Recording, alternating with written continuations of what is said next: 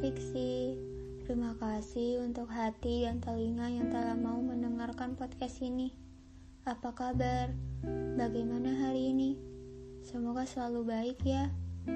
Kalian pernah gak sih dipertemukan dengan seseorang yang menyayangi kalian dengan tulus?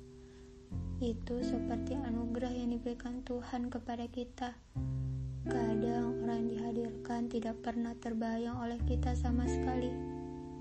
Katanya tiada pertemuan yang kebetulan. Itu semua sudah skenario yang alurnya sudah ditulis dengan matang.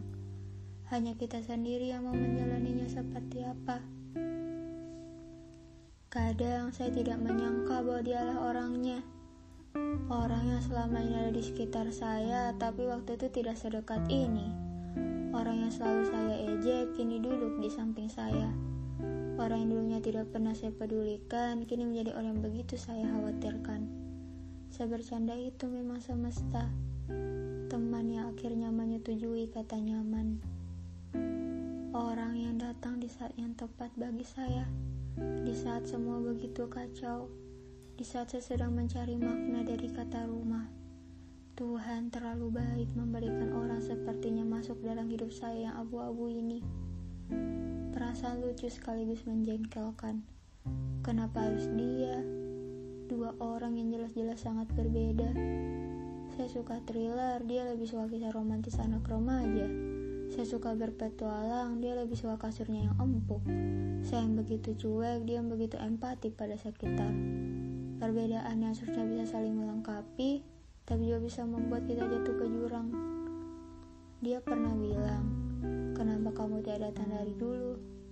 Percakapan yang selalu terjadi di sebuah hubungan yang masih merasakan manisnya rasa cuka. Saya cuma bisa bilang pada waktu itu, ya mungkin memang belum waktunya. Saya bersyukur karena telah diberi waktu untuk mengenal seseorang, entah yang memberi luka atau bahagia, karena semua punya porsinya masing-masing. Hargai pertemuan sebelum datangnya perpisahan karena kita tidak akan tahu berapa lama waktu yang diberikan Tuhan untuk bisa bersamanya.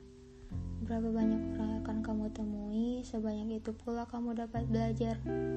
Hanya ada dua kemungkinan kita dipertemukan dengan seseorang.